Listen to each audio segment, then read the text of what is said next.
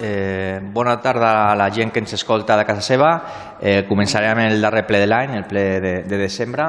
Eh, anem amb el punt número 1, que és l'aprovació de l'acta de sessió anterior. Eh, si no hi ha paraules, la donaríem per aprovada. Eh? Molt bé. Anem al punt número 2, eh, que és el despatx d'alcaldia. En aquest punt s'han d'aprovar les resolucions d'alcaldia de, bueno, compte de la 2440 a la 2652 i voldria aprofitar aquest punt per, per donar un parell de notícies, crec que, crec que interessants pel municipi de Ripollet, pels nostres veïns i veïnes, i són la, les següents.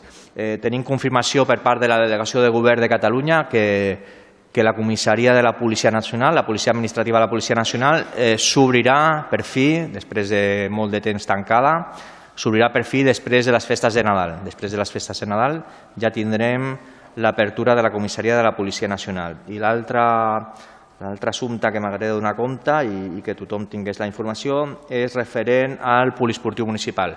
Com sabeu, el polisportiu municipal eh, s'ha fet la, la primera fase del polisportiu municipal, s'ha acabat eh, fa, fa, fa ben poc i eh, ara s'estan fent els treballs de la segona fase. S'estava començant a fer l'estudi geotècnic i l'estudi de l'estructura actual que té el poliesportiu municipal, que era la voluntat era mantenir-la pels tècnics de l'àrea metropolitana de Barcelona, però quan s'han fet totes les proves s'ha vist que aquesta estructura no aguantaria el nou equipament. I, per tant, des del govern local hem decidit doncs, per la seguretat i, i per una millora de l'equipament, que pensem que serà millor, eh, doncs, eh, tirar a terra l'estructura actual, per tant, faria una obra completament nova, des de zero, amb estructura nova, i amb el que això suposa de millora de l'equipament i això també comporta no només això, sinó els sobrecostos de material que hem tingut durant aquests últims mesos i any, per tot el tema conegut de les guerres que estem patint, doncs eh, que el cost previst que hi havia per l'obra del poliesportiu municipal, que era de 6 milions d'euros, passa a tenir un cost previst de 8,6 milions d'euros. El govern ha decidit eh, tirar endavant aquest projecte, eh, no aturar-lo i farem el poliesportiu realitat amb aquest mandat. Per tant, ara eh, comencem el projecte executiu i l'obra sí que puja de preu, però hem decidit tirar endavant aquesta obra, al igual que ja vam aprovar el tema de la residència al ple passat, de tirar-la també endavant. Ara sí, començaríem amb els punts de, de l'ordre del dia que sí que han de tenir una votació i seria el punt eh, número 3, que és l'elecció del jutge jutgessa de pau titular i substitut pel jutjat de pau de Ripollet. En aquest punt eh, comentar que hem tingut, eh, que hem tingut eh, candidats que s'han presentat per jutge de pau i per, jutgessa de, per, per titular i, i, i suplent i eh, hem decidit eh, continuar apostant i renovant la confiança amb el senyor Joan Casasallas, al qual li agraeixo que avui estigui aquí a la sala de plens amb tots i totes nosaltres, i també eh, com a suplent continuarà el senyor Joan Jiménez. Eh, aquest punt sí que s'hauria de votar i posaríem els posicionaments dels diferents grups pel PP. Bona tarda. Per part del Partit Popular, a favor. Del grup d'Esquerra Republicana. Hola, bona tarda. A favor. Pel grup de Vox. A favor. Pel grup de Decidint Ripollet. Bona tarda a totes i tots. El nostre vot és a favor també. Per tant, eh, s'aprovaria el punt per unanimitat de tots els membres de la corporació. Passaríem al punt 4, que és la resolució d'al·legacions presentades a l'aprovació inicial de les ordenances fiscals per l'any 2024 i l'aprovació definitiva. Té la paraula la senyora Eva Herrera. Hola, bona tarda a tots i totes. Com sabeu, en el ple del 19 d'octubre es va, van portar al ple l'aprovació inicial de les ordenances fiscals. Després de fer la seva exposició pública, s'han presentat al·legacions per part del PP, de Decidim i de la Cambra de Comerç. Després de revisar les al·legacions amb els serveis econòmics, eh, s'ha desestimat totes. I ara passo a explicar el perquè d'aquest desestimament. Eh, han hagut al·legacions que demanen revisar el tipus d'impostos i taxes.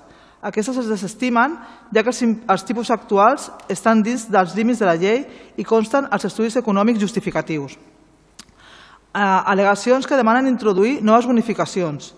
També es desestima perquè només es poden aprovar els supòsits contemplats a la llei d'hisendes locals. Les propostes no contemplen la llei, les propostes que han, que han realitzat per fer noves bonificacions. Aprovar noves ordenances fiscals. Eh, era, era la, la taxa Amazon i és, és, una, una imposició de taxa nova no es troba en exposició pública i ho tindrem en compte per poder estudiar eh, ordenances. I altres qüestions de gestió que no afecten el contingut de les ordenances fiscals. Llavors ara passarien a l'aprovació definitiva de les ordenances. Gràcies. Molt bé, passaríem al posicionament dels grups. Pel grup del Partit Popular. Sí, por el Partido Popular, eh, bueno, como ha indicado la regidora, eh, se han rechazado nuestras modificaciones, bueno, las de todo el mundo. Mm, Muy brevemente, eh, señalar lo que nosotros ya indicábamos en, en una primera vo- votación de las tasas previa y es bueno pues lo que nosotros pensábamos, es decir, que cuando se, se toma el gobierno, pues bueno, se, tiene que expresar la voluntad precisamente que se tiene también en bueno pues en todas las ordenanzas fiscales, es decir, la parte de los ingresos, la parte en que se, se ponen tasas a los ciudadanos. Y nuestro mm, bueno lo que indicábamos nosotros en ese momento es que claro, llegar, decir que se deja todo igual y solamente indicar que se van a subir las basuras, un disparate, y subir el polideportivo y hasta aquí, claro, nos parecía que no expresaba eh, dónde el Gobierno quería, por lo menos, aflojar un poco o enfatizar dónde mejorar, eh, digamos, el gravamen a los vecinos o a los comerciantes. Brevísimamente, nosotros no hicimos dos propuestas, hicimos varias. Eh, indicar, por ejemplo, eh, el tema del gravamen. Nosotros queríamos una rebaja del gravamen. La, cantidad que nosotros poníamos, por supuesto que está dentro de la ley, como indica la regidora. Y nosotros habíamos escogido una rebaja exactamente del 2,48%, que no es lo que están aplicando los, partidos, los mm, municipios en los que el Partido Popular gobierna, ni muchísimo menos, es, mayor. Pero queríamos indicar con esto que esta bajada del 2,48% que afectaría a la baja al IBI se hizo aquí en Ripollet en el 2019 cosa que no era gobernando precisamente el Partido Popular. Por lo tanto, era asumible por otros gobiernos de izquierda, cosa que no es, parece ser el caso. Luego nosotros también pedíamos, pues bueno, el tema de las bonificaciones, eh, bueno, pues algo que preocupa mucho a los vecinos y era que el valor catastral del piso, de la vivienda, que en la actualidad es algo que no supone un beneficio monetario a ninguna familia, pero supone su crecimiento, pues bueno, mm, pagar más impuestos prácticamente sin obtener más ingresos, pues mm, pedíamos pues bueno, bonificaciones para que se aumentasen los valores con respecto a ese valor cadastral, luego eh, un ajuste también favorable a los vecinos mejor para, pa- sobre el salario mínimo interprofesional. Y por bueno, otro punto nosotros que presentábamos era la ordenanza fiscal número 2, que era el impuesto sobre actividades económicas. Entonces, también en la misma línea que mis compañeros están haciendo en otros municipios de España cuando gobiernan, desde el Partido Popular, pues bueno, se, se intenta en la medida de lo posible ayudar facilitar eh, todo lo que es la actividad económica a las empresas también. Y entonces pedíamos, pues bueno, como os he indicado aquí, pues bonificaciones. En, nuestro caso lo que pedíamos era a los comercios locales que hayan pagado este impuesto en los últimos cuatro años y la bonificación del 25% a, a los comercios locales que hayan pagado este impuesto en los últimos cinco años, simplemente para dar un espaldarazo, una ayuda, la posible desde el ayuntamiento, a aquellos comercios que bueno, pues son los de toda la vida. Eh, es lo que nosotros pensábamos que, se, bueno, que sería interesante poder aplicarlo aquí. Luego también en, lo que respecta al mercado municipal, que como no va a necesitar ayuda, precisamente las circunstancias que se han dado durante esta legislatura, pues bueno, eh, añadir bonificaciones. Nosotros pedíamos bonificaciones, un porcentaje elevado, un 20% durante el primer año por, por inicio de actividad, cosa que nos interesa mucho a todos. Creo que no se nos escapa que es interesante que el mercado municipal funcione. Un 25% en los siguientes dos ejercicios y un 10% si se acredita que se ha contratado a alguien o mantenido un contrato de un trabajador justamente eh, en el mercado municipal y que ese contrato no fuese inferior a un año.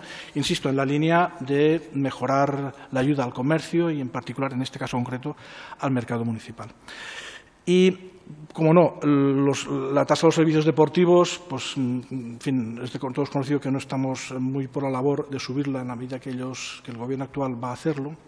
Entonces, lo que nosotros decíamos era que eh, se les rebajase eh, a lo- a los usuarios del centro deportivo, teniendo en cuenta, puesto que es un tema que, bueno, que, entendemos que, que- afecta también al tema de la salud, a dos grupos de vecinos del Ripollet, a los empadronados en, en viviendas que estuviesen a menos de 100 metros de la autopista C58 y a vecinos que estuviesen empadronados en, en las calles afectadas por los episodios del, del, del, Ecopar 2 que se nos indicó aquí en el Pleno que se siguen haciendo estudios, por lo menos a esos dos grupos de, de ciudadanos que tuviesen pues, bueno, una ventaja a la hora de pagar lo que son bueno, los, los, diferentes, los diferentes modalidades para, hacerse, para utilizar los, los servicios municipales que, que se refieren a deporte. Y bueno, por el, mm, por el tema de la, de la tasa de, de la recogida de basuras, nosotros no estamos en la línea de que se mantuviera, de que se mantenga, como se además, además queremos expresar en este mismo pleno, el tema del cierre electrónico utilizando nuestros datos de los, de los contenedores. Y tampoco estamos por la labor de que haya una diferencia entre los vecinos, por lo menos empezar a quitar desigualdades desde el punto de vista de las tasas municipales. Y nuestra idea era aplicar las reducciones a todos los que en este momento, durante ese año, no hayan podido mmm, contar con contenedores en sus zonas, y el mismo siempre y cuando eh, a, esos vecinos que sí que, tienen sus contenedores, mmm, bueno, pues con, datos que fuesen públicos, si se cumple el, los porcentajes que desde Ripollet tenemos que cumplir legalmente, pues también que el conjunto de, vecinos se beneficiase de, de, esas, de esas prestaciones a un menor precio por la recogida de basuras. Insisto, estas eran nuestras ideas, nuestras propuestas. Como hemos podido escuchar, se han rechazado las nuestras y las de todo el mundo y nosotros eh, consideramos que esto, como lo consideramos el primer día en la, en la previa, es incorrecto. Por esa razón, el voto del Partido Popular será en contra. Molt bé. Pel grup d'Esquerra Republicana de Catalunya? A favor. Pel grup de Vox?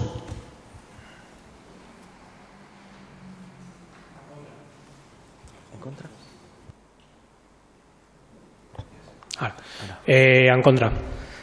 Pel grup de Decidint Ripollet? Hola, bona tarda a totes i tots. Respecte a les al·legacions que va presentar el nostre grup municipal en relació a l'al·legació sobre l'aplicació de la taxa Amazon, contentes que gràcies a la moció presentada, atès que es tracta de l'imposició d'una nova tasca, ai, taxa, el dictamen de tresoreria comuniqui que, tot i no poder-se aprovar actualment per la normativa aplicable, s'avaluï en els termes jurídics i financers que es consideri i que es proposarà per tenir en compte per treballar-la pels propers exercicis. Respecte a l'al·legació sobre la modificació del preu públic per la prestació del servei d'atenció domiciliària en el sentit de l'actualització per l'any 2024, que suposa una modificació de les quotes màximes a satisfer per les persones usuàries per tal que no vegin incrementat el cost dels serveis, el dictamen de la Tresoreria considera que no procedeix l'estimació perquè sobre aquest tema sí té competència l'Ajuntament i demostrant la seva voluntat política recaptatòria, en aquest cas amb un sector vulnerable que ha de pagar per un servei totalment necessari, prefereix utilitzar l'actualització de l'indicador de renda de suficiència a Catalunya per modificar les quotes màximes. En aquest sentit, només mostrar el nostre desacord, primerament amb la decisió de castigar les persones més dependents per l'ús d'un servei bàsic per la seva qualitat de vida i de forma subsidiària el nostre desacord en la forma que el govern va rebre la nostra al·legació al ple del mes d'octubre, assegurant que no s'havia modificat res en aquest sentit quan ara, en la seva argumentació, reconeixeu que s'ha realitzat la modificació sobre la qual van fer al·legacions i ens instàveu a nosaltres i a la resta de grups a estudiar millors documents. Esperem que aquest, pla, que aquest ple siguem capaços d'aprendre els errors. Gràcies i bon Nadal. Molt bé. Vols comentar alguna cosa? Hola, buena tarde. En respuesta al señor Dieguez, a ver, a, a, di, eh, di, eh, decirle que, que, a ver, que se han, se, que se han desestimado las alegaciones. Primero, la de, la, el tipo de, de reducir el tipo de gravamen del IBI está dentro de la ley, con lo cual esto ya le he explicado que no se podía reducir. Luego, cuando demandan nuevas bonificaciones, eh, tanto la de prestación de servicios como la taxa de residuos, bueno, no se puede discriminar a nadie porque sea de Ripollet, no sea de Ripollet o viva en una zona de Ripollet. Eso ya consta en la Constitución y es algo que llevamos ya mucho tiempo que no se puede eh, cambiar ese tipo de, de, bonificación. ¿vale? Eh, y después, el tema de la, de la taxa del mercado y la bonificación por contratación, eh, ellos, el mercado municipal sabe, y igualmente se lo, se lo estamos comunicando, que hay un departamento en, en Impulsa de emprendeduría y de empresa que tienen ayudas para la contratación del personal y cuando necesitan alguna cosa vienen y, y nos piden información. Con lo cual, ahí ya saben que tanto por el SOC o por algún tipo de, de otra entidad supramunicipal pueden tener, eh, recibir ayudas para la contratación nueva. Que eso va por otro lado. I després a, a bueno, és el que t'estava explicant abans, que el tema de la taxa de, del SAT està dintre de contemplar mateix la llei i és el que ens han dit també des de serveis jurídics i serveis de, de tesoreria. Llavors, també es desestima per aquest motiu. Vale? I l'altre ja, ja vam parlar, que ja ho miraríem per propers exercicis. Eh? Molt bé, doncs si no hi ha més paraules, s'aprovaria el punt amb els vots a favor d'Esquerra Republicana Catalunya i PSC i el vot contrari de la resta de grups. Passaríem al, grup, al punt número 5 de la modificació d'error material d'un acord de la sessió plenària 6 barra 2023. Té la paraula la senyora Martín. Gràcies, alcalde. Bona tarda. Eh, aquest punt fa referència a un error que es va detectar amb la, un acord que va haver de la sessió plenària del 25 de maig del 2023 en referència a l'aprovació de la taula retributiva per al personal temporal de plans d'ocupació a càrrec de les subvencions de projectes i programes ocupacionals de polítiques actives d'ocupació. Eh, bàsicament, el que es modifica és el punt tercer d'aquest acord, que s'inclou un apartat que diu quan la convocatòria de l'entitat determini un import superior, prevaldrà aquest. Vale? I ja amb això podem passar als, als acords. Gràcies. Molt bé. Pel Partit Popular? És el punt 5 de la modificació de, de l'error? Pregunto.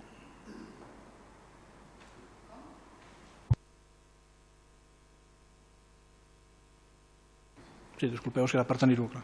Sí, sí, a favor, per part del Popular, a favor. Pel grup d'Esquerra Republicana Catalunya? A favor. Pel grup de Vox? A favor. Pel grup de Decidint Ripollet? A favor. S'aprovaria el punt amb el vot favorable de tots els grups i passarem ja a la part de mocions del ple. La primera moció és la moció presentada pel grup de Decidint Ripollet, moció per a erradicar les violències masclistes als espais de participació institucional, cultural, esportiva i social. Eh, tenen la paraula. Moltes gràcies. Bona tarda a totes i tots. La moció que presentem avui no és nova. Ja vam presentar una l'any 2020 amb el mateix transfons i intencionalitat, però el context actual ens mou a tornar-la a presentar.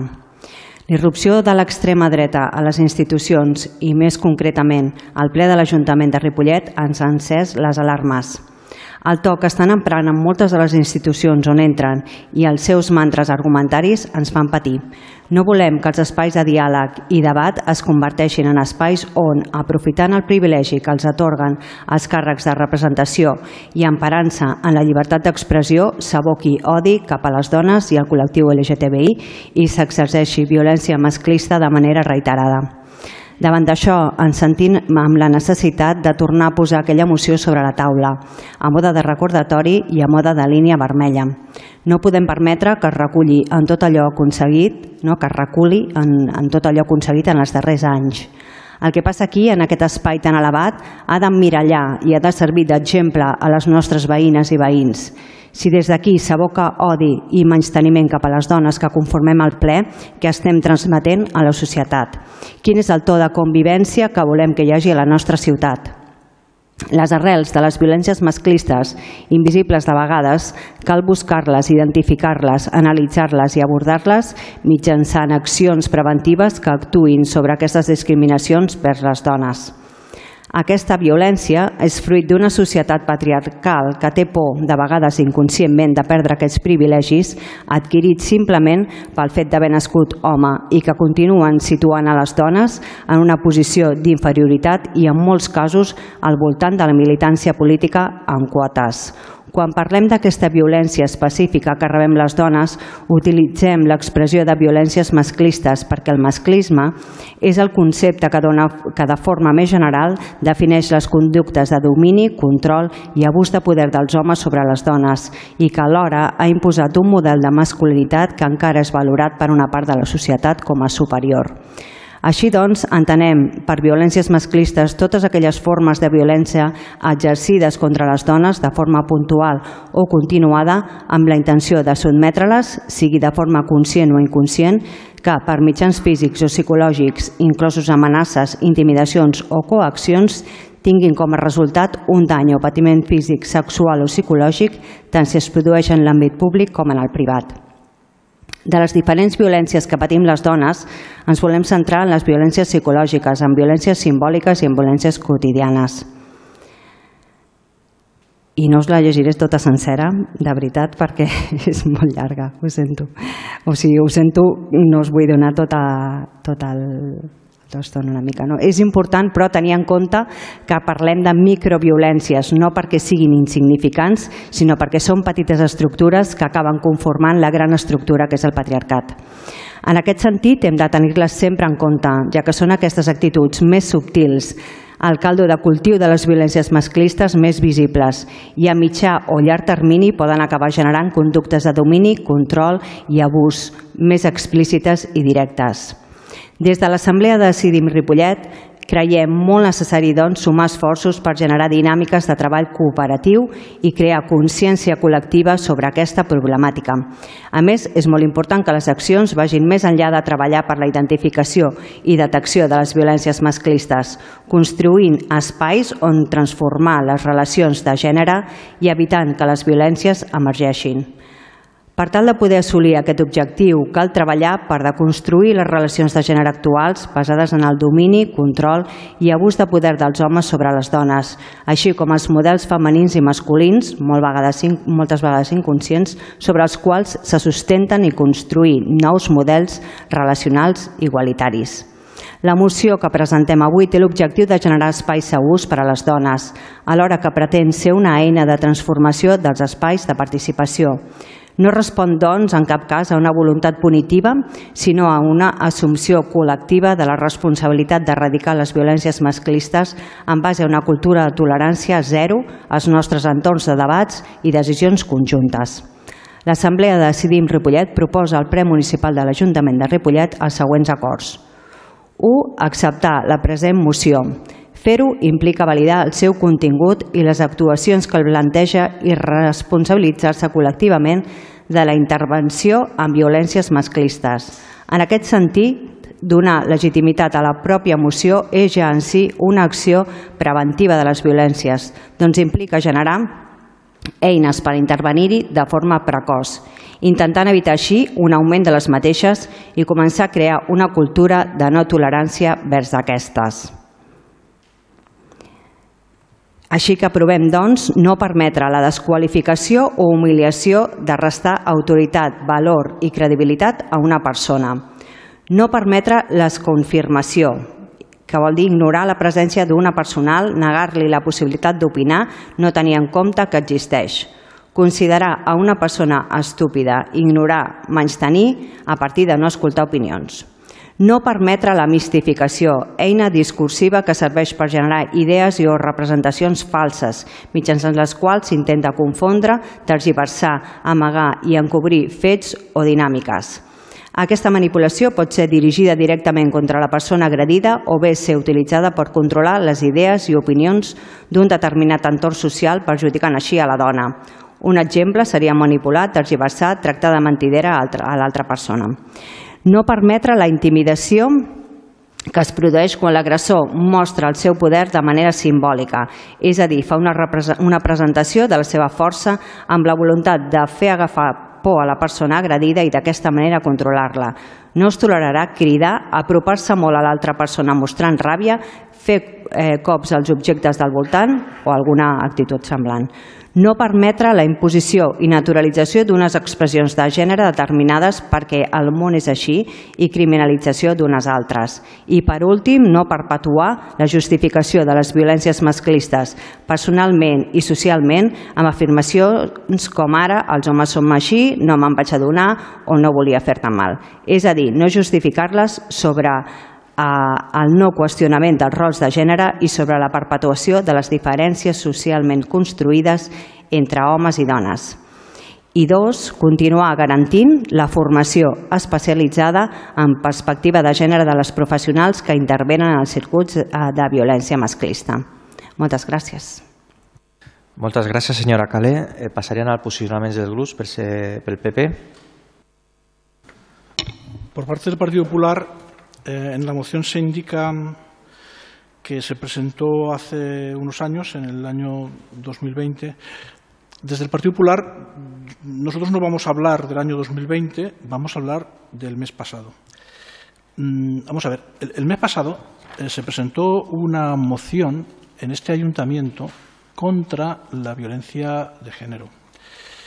Mm, desde el Partido Popular mm, indicamos en aquel momento que nos veíamos obligados a que, por favor, se indicase en el acta que, a pesar de que en el redactado directamente se atacaba al Partido Popular, a pesar de eso, nos podía la responsabilidad, porque es un tema muy importante, y en eso teníamos que estar todos.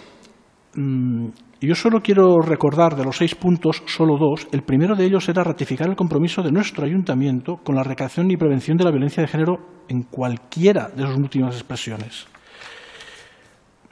Y el tercero, instar a las administraciones públicas a la implementación del contenido contra el Pacto de Estado contra la Violencia de Género. Eh, a pesar, insisto, de que el redactado era el que era, nosotros dimos un paso adelante y la apoyamos. Mm, si hay que decir esto todos los días, si el acuerdo de pleno del mes anterior no sirve, o si hay algo que haya que expresar, pues se expresa.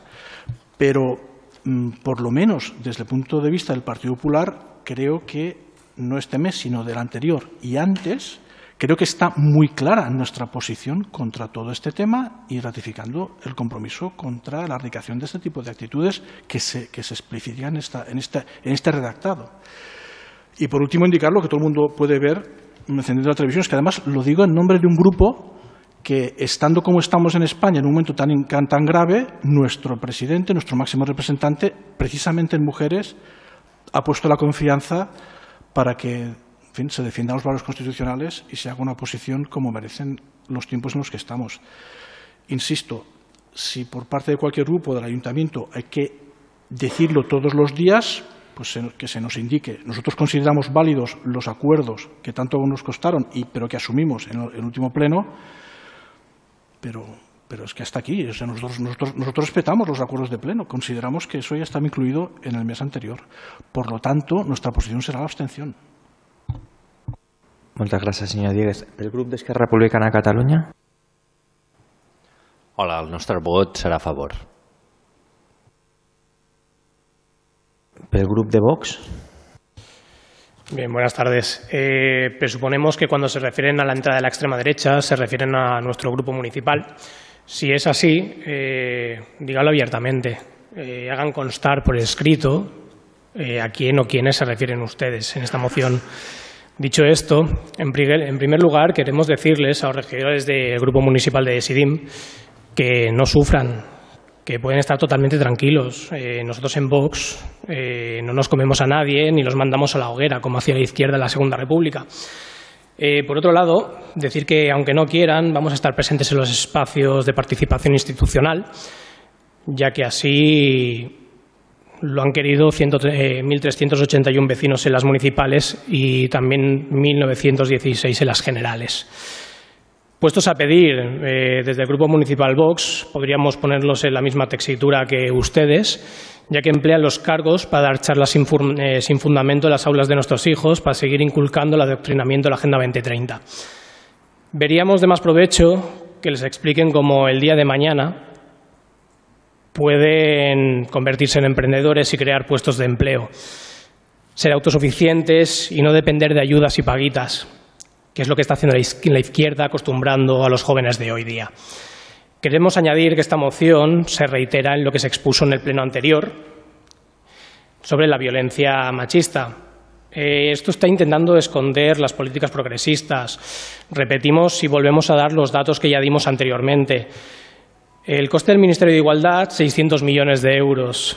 La ley del solo sí es sí ha contado con 1.200 rebajas de condenas a maltratadores y violadores, 200 escarcelaciones y Ustedes actualmente están pidiendo respeto para las mujeres y los colectivos LGTBI, pero lo están eh, pidiendo faltando al respeto a los hombres, donde ya se nos está condenando por el simple hecho de ser hombres. Nos están encasillando en machistas, cuando esto no es así. Desde Vox ya hemos dicho por activa y por pasiva que pedimos eh, respeto para las personas en general, independientemente del género, si son masculino o femenino, o de la orientación sexual. El incrementar el gasto político en políticas feministas no es una solución, ya se ha demostrado que no son funcionales, ya que se ve cómo incrementan los asesinatos, hay más malos tratos, más violaciones y más agresiones sexuales hacia mujeres. Como dijimos, la solución es castigar firmemente a quienes cometen este tipo de agresiones violaciones y un endurecimiento del Código Penal.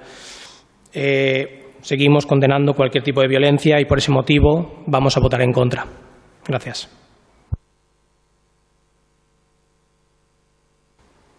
Gràcies. Pel grup del PSC, Hola, bona tarda. El nostre vot és a favor. eh, voleu fer rèplica? Sí, breument.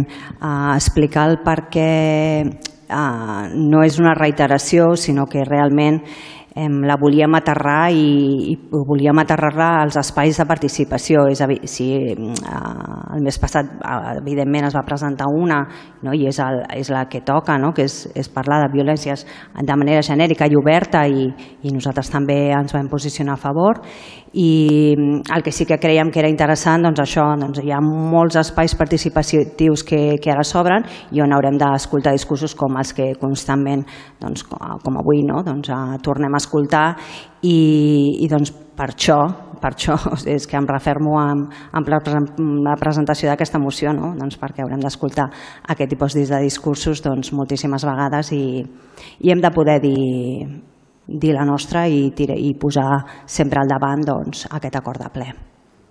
I gràcies a, als, que heu donat a, als que heu votat a favor.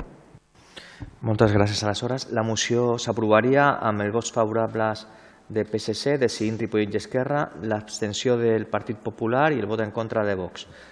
Passaríem a la següent moció, que és la moció per a l'estalvi i la millora recollida d'escombraries, retirant el tancament electrònic dels contenidors presentada pel grup municipal del Partit Popular.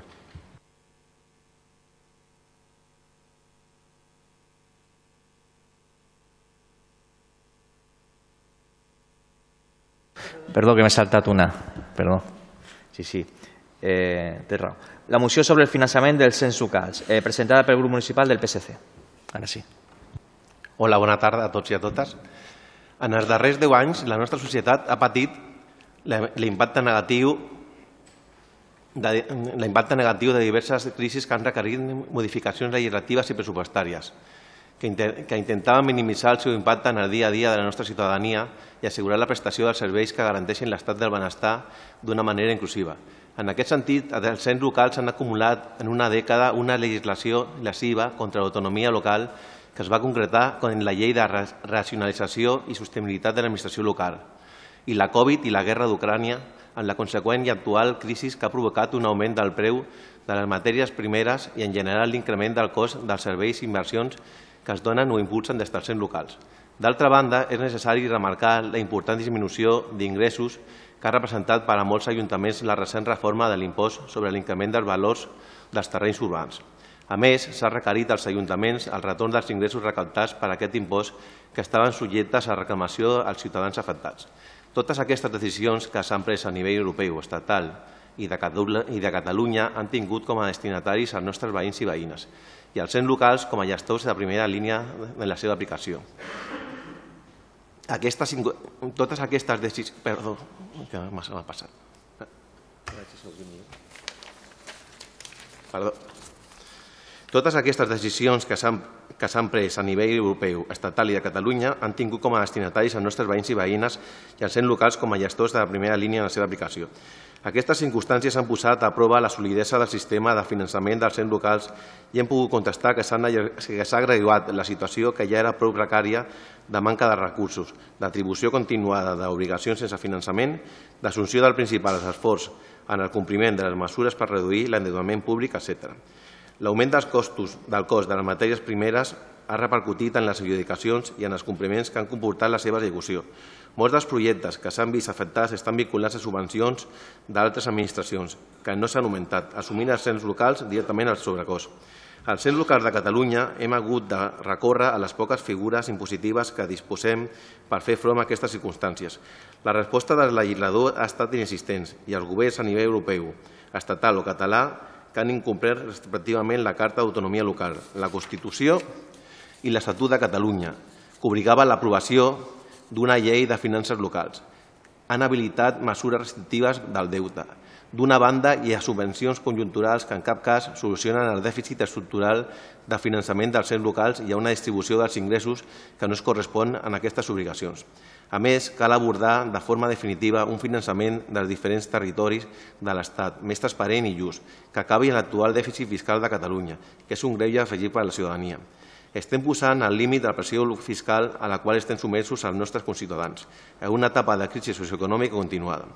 El repartiment en les diferents administracions que es va fer per part de l'Estat dels tributs i dels ingressos no es corresponen a les competències i responsabilitat que actualment tenen el cent local respecte a les altres administracions. És per tot això que el grup municipal socialista de Ripollet proposa l'aprovació al ple municipal de l'Ajuntament de Ripollet de la present moció en els següents acords. Primer, instar el, govern, instar el Congrés, el Senat i el Parlament de Catalunya i els governs de l'Estat i de la Generalitat a una reforma estructural de finançament dels ens locals que asseguri el compliment del principi de suficiència financera. Segon, impulsar una taula de negociació en la Generalitat per una banda, en el Govern de l'Estat per una altra i de les entitats municipalistes més representatives per establir les bases del nou finançament local.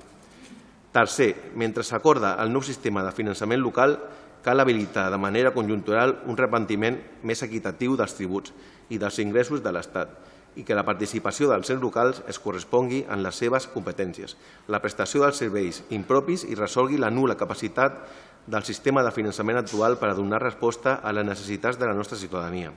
Quart, instar el govern de l'Estat a impulsar conjuntament en els diferents territoris de l'Estat un nou sistema de finançament just i equilibrat, que acabin en el dèficit fiscal o es creï un topall màxim de solidaritat envers l'Estat seguint els models més avançats d'Europa en les regles específiques, explicitat i claretat de xifres i que garanteixi que tots els ciutadans reben les mateixes prestacions i serveis. Cinquè, instar el govern de l'Estat a derogar l'ALARSAL. L'objectiu que perseguia inicialment aquesta llei, parcialment ja derogada, no té avui cap sentit i limita l'autonomia local a l'hora de donar resposta als reptes actuals. Instar també, la, a, instar també a modificar la llei d'estabilitat pressupostària i sostenibilitat financera de manera que la seva aplicació se suavitzi i flexibilitzi perquè les entitats locals disposin de major autonomia en despesa pública. Sisè, instar al Govern de la Generalitat que constitueixi una comissió a les entitats municipalistes més representatives per treballar conjuntament els continguts de l'avantprojecte de llei de governs i finances locals de Catalunya. En aquesta proposta cal afrontar, entre altres prioritats, el finançament dels Consells Comarcals. Setè, comunicar els presents acords al Govern de l'Estat, al Govern de la Generalitat, al Parlament de Catalunya, al Congrés dels Diputats, al Senat, a l'Associació Catalana de Municipis i a la Federació Catalana i a la Federació de Municipis de Catalunya. Moltes gràcies. Molt bé, moltes gràcies, senyor Puig. Passaríem als posicionaments pel del Partit Popular. Bueno, por parte del Partido Popular, yo primero quisiera expresar que cualquier persona que tenga que ver con un ayuntamiento, no hace falta ser regidor, cualquier persona que se dirija al ayuntamiento para cualquier cosa, para, cualquier actividad cultural, para cualquier tema que, le afecte, mm, pues todos creo que estaríamos de acuerdo, estamos de acuerdo en que cuantos más recursos tenga el ayuntamiento, mejor, porque es la administración más cercana al ciudadano. De hecho, hay, hay en, eso un, un valor añadido, es decir, creo que tal vez, en fin, habría que subrayar un poco el valor que tiene pues, eh, poder hacer política, poder hacer cosas por tus vecinos más próximos. Dicho esto, em, lo que pasa es que la situación es la que es. Vamos a ver, em, presenta esta moción reclamando más recursos para un ayuntamiento el Partido Socialista. Eh, se queja del legislador, de la Generalitat, etc. Vamos a ver, eh, es que es el grupo que lleva gobernando España y se supone que las cámaras legislativas durante más de un lustro. Y incluso en el Ayuntamiento de Ripollet les falta tiempo para pactar con los independentistas, que llevan no lustros, no, décadas gobernando la Generalitat. Claro, mm, ante esta situación, pues es, difícil interpretar esto. En fin, los que conocemos un poco más la, la dinámica interna del ayuntamiento, pues casi entenderíamos más un, una clarísima, una denuncia incluso, de que la Generalitat, por lo menos, no ampliase, no, es que nos bastaría con que pagase sus propias competencias que nos afectan aquí en Ripollet. Pero claro, ustedes presentan esto, que parece que es que todo haya arrancado ayer, e insisto, es que en sus manos ha estado un lustro la legislación nacional y parece que tienen facilidad o pactan con el independentismo y parece que no es precisamente para los ayuntamientos para quienes va la ventaja de esos pactos. Por lo tanto, desde el Partido Popular de Ripollet, insisto, desde un, seguramente desde un acuerdo muy básico que el ayuntamiento debería tener más recursos, claro, ante la situación real, la vida real, lo que realmente tenemos delante, nos vemos obligados a abstenernos. Moltes gràcies. Pel grup d'Esquerra Republicana de Catalunya. El nostre grup doncs, donarà el seu vot positiu a aquesta moció, entenent que està d'acord tant amb els objectius com en l'anàlisi prèvia a aquestes propostes d'acord. Tanmateix volem fer uns aclariments o matisos en algunes afirmacions que expressa el redactat de la moció, tant a la part expositiva com en els acords. En primer lloc, volem que quedi clar que l'increment de preus descrit al segon paràgraf de la moció ha afectat a totes les administracions, incloent, incloent la Generalitat. Això ha provocat un augment de la despesa i en el cas de la Generalitat això és un, es reflecteix no només en el cost dels subministraments que ha hagut d'assumir, sinó també amb les polítiques que ha hagut d'implementar per atenuar els efectes d'aquesta crisi sobre els particulars. D'altra banda, si féssim l'exercici doncs, de canviar la referència a finançament dels ens locals per finançament de la Generalitat, doncs, constataríem també que els arguments d'aquesta moció són iguals de vàlids per a aquesta institució, la qual cosa vol dir que la Generalitat també té un problema d'infrafinançament cosa que cal tenir en compte en les demandes que fa la moció perquè, tal com s'expressa també a la moció, el dèficit fiscal que pateix Catalunya impedeix que la Generalitat pugui donar resposta a moltes necessitats, entre elles contribuir a un millor finançament local, malgrat que les competències són bàsicament estatals. En aquest sentit, el repartiment entre les diferents administracions que es fa per part de l'Estat dels tributs i dels ingressos no es correspon tampoc a les competències que té atribuïdes aquesta Generalitat. I pel que fa als acords doncs, proposats a la moció, entenem que seqüencialment seria millor que primer s'abordés la reforma estructural del finançament de l'Estat en relació amb els ens locals i les eh, comunitats autònomes de forma conjunta i posteriorment, doncs, en funció d'aquest escenari amb els recursos que defineixi, doncs, desplegar els criteris de finançament local de Catalunya. Moltes gràcies. Pel grup de Vox. Abstenció. Gràcies. Pel grup de Decidint Ripollet. Molt bona tarda a tots i totes. Com bé s'ha esmentat a la moció i els diferents regidors, en els darrers anys és evident que la despesa municipal s'ha incrementat de forma significativa doncs, per múltiples factors, com l'increment de matèries primeres, de subministraments, i a més, com comentava el regidor Dieguez, eh, i que en moltes ocasions s'ha dit, l'Ajuntament és l'administració més propera a les persones, la que té un contacte directe amb els veïns i veïnes i és qui dona les respostes a problemàtiques o necessitats de les persones moltes vegades quan ni tan sols eh, té, és competència municipal. Eh, cada cop ens trobem amb una administració municipal a la que se li traslladen més competències, però alhora no ve acompanyada d'una delegació, bueno, no, no ve acompanyada de, de més recursos necessaris per fer-hi front. Per tant, necessitem que la regulació actual, que l'estructura de finançament s'actualitzi, es modernitzi de forma integral per adaptar-se a les necessitats i reptes actuals i així poder fer front als projectes de ciutat. Així doncs, els partits que, legi, que legisleu i teniu representació en d'altres instàncies, us demanem que assumiu la responsabilitat de liderar aquest canvi tan necessari. El nostre vot serà favorable. Molt bé, moltes gràcies. Si vol dir alguna cosa, senyor Dieguez, o... Perdó, eh, Puig. Agravi el vot favorable dels votat, que heu votat, que heu votat a favor. Molt bé, moltes gràcies. Doncs aprovaria la moció amb els vots favorables d'Esquerra Republicana, de Seguint Ripollet i PSC i les abstencions del Partit Popular i de Vox. I ara sí passarem a la moció punt número 8, que és la moció per l'estalvi i la millora recollida d'escombraries, retirant el tancament electrònic de contenidors presentada pel grup municipal del Partit Popular. Sí, desde el Partido Popular presentamos esta moción para el ahorro y mejora de la recogida de basuras, retirando el cierre electrónico de los contenedores. Los vecinos de Ripollet siguen descontentos a fecha de hoy con el Servicio Municipal de Recogida de Basuras. Tenemos basura fuera de los contenedores. Donde hay contenedores están rodeados de basura y las tapas de contenedores por tarjeta aparecen forzados y rotos. El creciente, descontento vecinal tiene su base en los sucesivos inconvenientes que para cada vecino va acumulando el sistema de recogida de basuras. Contra su bolsillo, el, re, el recibo tendrá una subida al doble y pronto al triple. Y también contra su privacidad, el control usando sus datos mediante la tarjeta. A fecha de hoy en Ripollet, la utilización de contenedores cerrados electrónicamente supone dar razones a quien no mete la basura dentro y supone además numerosos gastos pagados por todos, en tarjetas y su reparto, en aplicaciones para móviles, en tapas de contenedor más caras, en reparaciones o sustituciones de estas tapas que están vandalizadas. La legislación vigente no permite el uso indiscriminado de los datos personales del padrón municipal.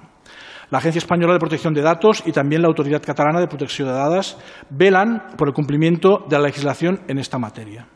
Mantener este tipo de, cierres en los contenedores de recogida de basura expone a Ripollet a más costes a causa de denuncias y, en su caso, de resoluciones sobre el cese de todo tratamiento de datos personales relativo al sistema de apertura de contenedores de residuos equipados con cerraduras electrónicas. El Ayuntamiento, por tanto, debe cambiar esta percepción vecinal y pasar de ser usuario de los datos de los vecinos a preservarlos y ser quien facilite información detallada a los usuarios sobre el Servicio Municipal de Recogida de Basuras. Cambiar a tapas sin tarjeta sería una oportunidad para dar un paso efectivo como Administración local en la dirección de facilitar el uso y reducir costes pagados por todos los vecinos. Contenedores sin cierre electrónico desincentivarían el incivismo de abandonar basura fuera y el vandalismo contra unos controles basados en datos personales que, evidentemente, en ese caso ya no estarían. Recabar y dar acceso público a la información detallada del estado del servicio y los porcentajes actualizados de separación de residuos alcanzados facilitaría que todos los vecinos percibieran que son los protagonistas del éxito que todos queremos en el reciclaje. Desde la Administración municipal no se usarían datos personales por el uso del servicio de recogida de basuras y se actuaría entonces contra incívicos y vándalos con los protocolos ya establecidos con cualquier otro tipo de mobiliario urbano de propiedad pública.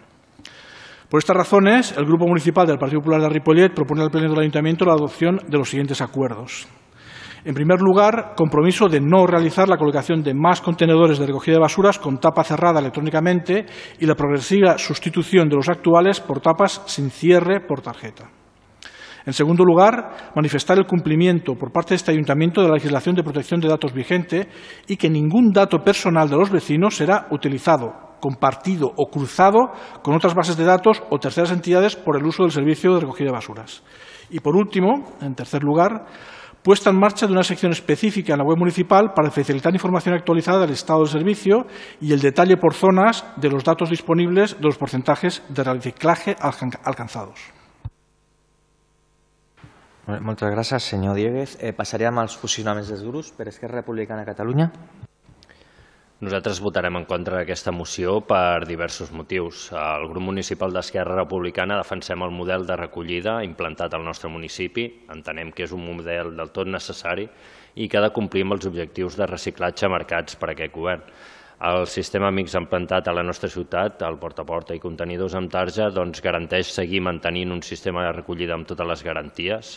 Això fa que sigui un sistema més flexible i més efectiu per augmentar els percentatges de separació en origen. A més, promou la corresponsabilitat de tots els veïns i veïnes. L'objectiu del sistema és augmentar la selectiva en general i especialment la matèria orgànica, que és on el municipi doncs, té més mancances i dificultats. La major part de les restes orgàniques de la ciutat es lliuren dins de la fracció resta, que és incinerada i per tant no s'aprofiten.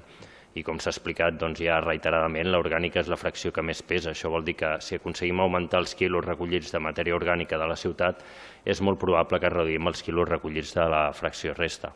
I, per últim, demanar el compliment de la protecció de dades a l'Ajuntament. Doncs està totalment fora de lloc.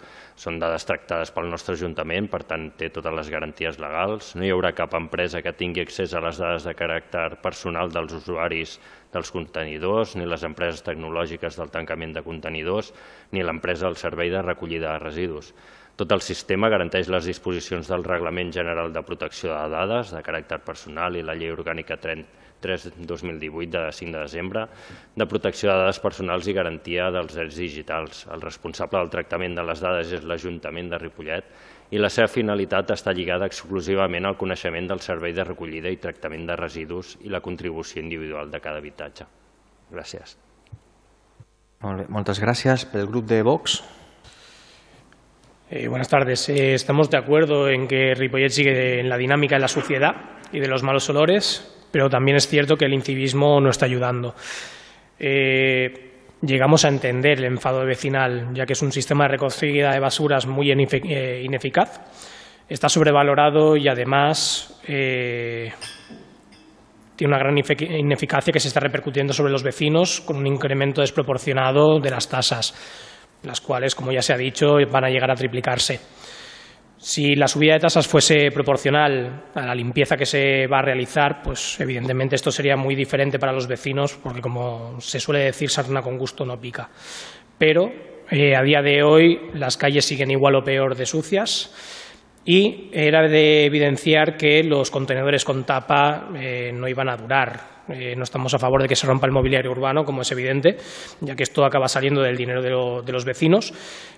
Y tampoco estamos a favor de, que se controle por el QR las tarjetas. Vemos totalmente fuera de lugar que, esto ocurra. Y eh, también estamos seguros de que el sistema de control traerá problemas de denuncias por incumplimientos del EOPD, aunque se haya dicho que no. Y seguramente alguna habrá llegado ya. Eh, sí que es cierto que se necesita un Ripollet limpio, pero no a cualquier precio, y es por eso que vamos a votar a favor. Molt bé. Eh, pel grup de Cint Ripollet. Sí, hola, bona tarda a totes i a tots. Eh, a veure, aquesta és una moció que al final ve a ser una apel·lació al model anterior. És el model anterior eh, és evident que, que no funciona, dona, dona pel que dona, no, no supera el 30% de reciclatge, que és una obligació eh, moral, científica i, i legal no? per, per Europa. Eh, al final fa una, una apel·lació a, a aquest model, apel·lant a les, a les incidències, eh, ten, tenim la tendència no, d'aquests tiempos passados sempre fueron mejores i no, en el model anterior ja, ja n'hi havia incidències, ja n'hi havia pudors, el que tenia eh, una bateria de contenidors eh, al, al portal de casa eh, eh, tenia moltes, moltes d'aquestes molèsties de, de, de brutícia i, i de tant en tant eh, els contenidors eh, salien ardent. Eh, per altra banda, eh, aquesta moció fa un... Bueno, ja, ja, ho ha dit, ja ho ha dit el senyor Balló, no? Eh, aquesta moció parla molt, molt a, la, a la ligera de la vulneració de la privacitat i la protecció de, de dates la, de les persones. I és una moció també que, que parla de, de l'estalvi. Parla de l'estalvi i això només és veritat a, a curt termini eh, està calculat i a la, i a la llarga és molt més, eh, saldria molt més car un model anterior en, termes, en, termes, eh, en termes de salut, en termes energètics i en termes de recursos. Per, per aquests motius votarem en contra. Molt bé, moltes gràcies. Pel grup del PSC. Hola, hola buenas tardes. Eh, el Grupo Municipal Socialista votará en contra de la moción por los siguientes motivos. En primer lugar, porque la Ley 7 2022 del 8 de abril de residuos y suelos contaminados para una economía circular obliga en su artículo 11, a partir del 2025, a implantar sistemas de pago por generación en las tasas que financian los servicios de recogida y tratamiento de residuos de los entes locales. Para poder cumplir con este requisito es imprescindible establecer mecanismos de identificación de usuarios del servicio. En el caso de Ripollet se optó por el sistema de identificación de tarjeta para la recogida domiciliaria y de contenedores con chip para la recogida comercial. Por otro lado, contenedor cerrado genera un mayor compromiso por parte de los usuarios respecto a la materia orgánica La identificación de los, usuarios mediante el lector instalado en el contenedor permite un control sobre quién, utiliza el contenedor, así como eh, con qué frecuencia se utiliza. Eh, desde que se han establecido meca mecanismos de identificación de, de usuarios, hemos pasado de un 39 a un 56% en la separación de residuos. Asimismo, también nos ha permitido reducir la cantidad de impropios en orgánica, pasando de un 23 a un 12% de impropios. Por otro lado, las tapas cerradas de los contenedores de orgánica y resto evitan que los rebuscadores puedan sacar la basura y que vayan de contenedor en contenedor. En referencia al cumplimiento de la Ley de Protección de Datos, el Ayuntamiento dispone de los correspondientes contratos de tratamiento de datos con todos los proveedores que participan, de una manera u otra, en el servicio de recogida de residuos, garantizando así los derechos de los ciudadanos en esta materia. La información de los datos de los porcentajes de reciclado se actualizan diariamente mediante la plataforma de gestión de residuos municipales del área metropolitana, que computan las entradas diarias de materiales, resto, envases, papel, cartón, vidrio y orgánica en las distintas plantas de tratamientos de residuos. En este sentido, les informamos que estamos trabajando con ellos para poder hacer accesibles estos datos de manera fácil y periódica al conjunto de la población mediante la página web de Ripollet Aporta. Moltes gràcies, senyor Parra. Senyor Diego, si vol. No? Perfecte. Doncs aleshores aquest punt eh, no s'aprovaria la moció amb els vots contraris d'Esquerra Republicana, de Ripollet i PSC i els favorables de PP i Vox. Així passaríem al punt de pregs i preguntes eh, dels diferents grups. Eh, pel PP, hi ha alguna pregunta, algun prec? Sí, si, si m'ho permeteu, simplement felicitar-vos les festes a tots, des del Partit Popular, en primer lloc, i en segon lloc, potser jo no em vaig expressar suficientment bé el darrer ple, eh, no, els temes que nosaltres portem ja els coneixeu, vale? eh, l'únic demanar-vos és que potser no ho vaig fer amb prou insistència, i és que el que sí us demanaria ja l'any per l'any vinent és en els temes que nosaltres us hem demanat, el que sí us demanarem és la data, és a dir, ens sembla bé que estigui treballant, però tant per vosaltres com per nosaltres, que hem de donar explicacions als veïns que ens el demanen, us demanaríem que l'any vinent, quan us demanem per els diferents temes, no ara no els enumeraré, donasiu, doncs ho arreglarem i més o menys la data aproximada per nosaltres poder traslladar millor informació perquè així nosaltres traslladem millor informació i millor també per vosaltres per no, perquè llavors no insistirem quan estiguem encara dintre de l'ata. Dit això, bones festes a tothom i moltes gràcies. Molt bé, moltes gràcies. Pel grup de Vox? Sí, eh, a ver, queríamos hacer una, una consulta. El aparcamiento público de la carretera Santiga frente a la policía local, hay una parte de jardineras que, y adoquines que están rotos. ¿vale? Entonces, también está el pavimento levantado debido a las raíces de los árboles y queríamos saber si se ha valorado la posibilidad de sustituir los árboles eh, por eh, árboles con raíces verticales para evitar que se haga levantamiento de terrenos. Luego, otra consulta eh, que tendríamos es que en la calle Serra la Salud eh, hace cerca de una semana que hay una paloma muerta en la acera, entonces eh, los servicios de limpieza pues agradeceríamos que hiciese su labor. Y por último, eh, por último pues felicitar las fiestas a todo el mundo. Gracias. Molt bé, moltes gràcies. Pel grup de Decient Ripollet? Hola, bona tarda a tots i a totes. Uh, tot i que presentarem moció al gener, com us reunireu abans, amb, abans del ple, volem aprofitar per fer aquest prec sobre l'accessibilitat de la pediatria als CAPs. Voldríem que la reunió de gener amb el conseller de Salut, Manuel Bacells, li transmetreu la preocupació de la ciutat de Ripollet en la matèria d'atenció pediàtrica, ja que ens afecta molt negativament perquè veiem que s'enterra la possibilitat que el CAP de Pinatons compti amb equip pediàtric i se'ns plantegen dubtes sobre si continuarà o no l'atenció pediàtrica al cap de Ripollet Centre. També volem aprofitar aquest altaveu que tenim per donar tot el nostre suport al sector de les infermeres, que aquests dies estan en vaga indefinida en totes les seves reivindicacions per la millora de la professió i de les condicions laborals per posar en valor tota la seva feina. Bones festes i moltes gràcies. Molt bé. Hi ha més, més preguntes? Sí.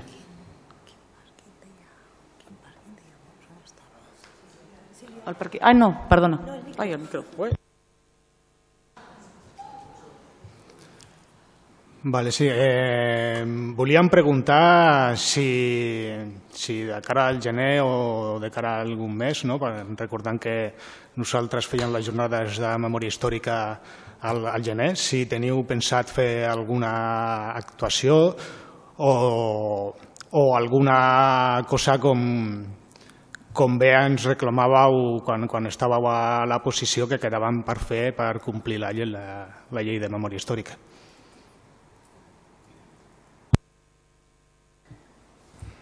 Sí. Eh, perdó, Vox ja, ja se li ha passat el torn. Ara ja estem en de sí, en Ripollet. Sí, sí, diguin. Perdoneu. Eh, bona tarda a tots i tots. Eh, tenim constància que l'Associació d'Espectadors del Teatre del Mercat Vell han demanat a l'Ajuntament auditoria sobre el Teatre Auditori i les inversions que fan falta. I sabem que aquest document no els hi ha arribat, sota el pretext de que es tracta d'un document intern.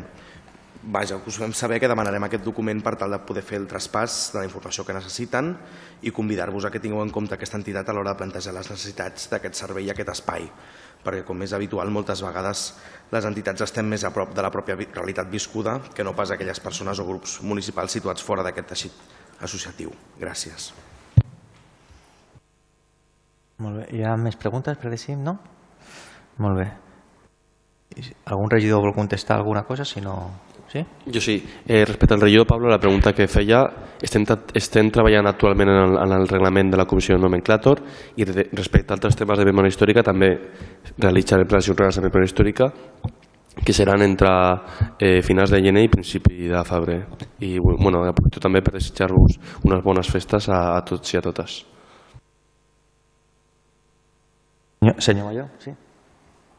Sobre el tema del, del diagnosi, no és que no els hi vulguem donar, vam demanar assessoria jurídica, jurídica si els hi podíem donar directament, ens van dir que fessin una instància demanant informació i que ja no hi ha cap problema, els hi vam enviar un mail explicant-li com ho han de fer i ja, ja està. És l'única... Era per no donar-ho directament, és l'única manera. Vale? I bones festes a totes i tots. Molt bé, doncs eh, ara sí que donaríem per finalitzat el darrer ple de l'any. Sí que m'agradaria aprofitar aquest moment per desitjar-vos a tots i totes unes molt bones festes, també a tots els veïns i veïnes que ens escolten, que aprofitin aquests dies en família i també que aprofitin totes les activitats que s'han preparat des de l'Ajuntament de Ripollet per aquestes festes nadalenques i que gaudeixin del seu municipi. Moltes gràcies.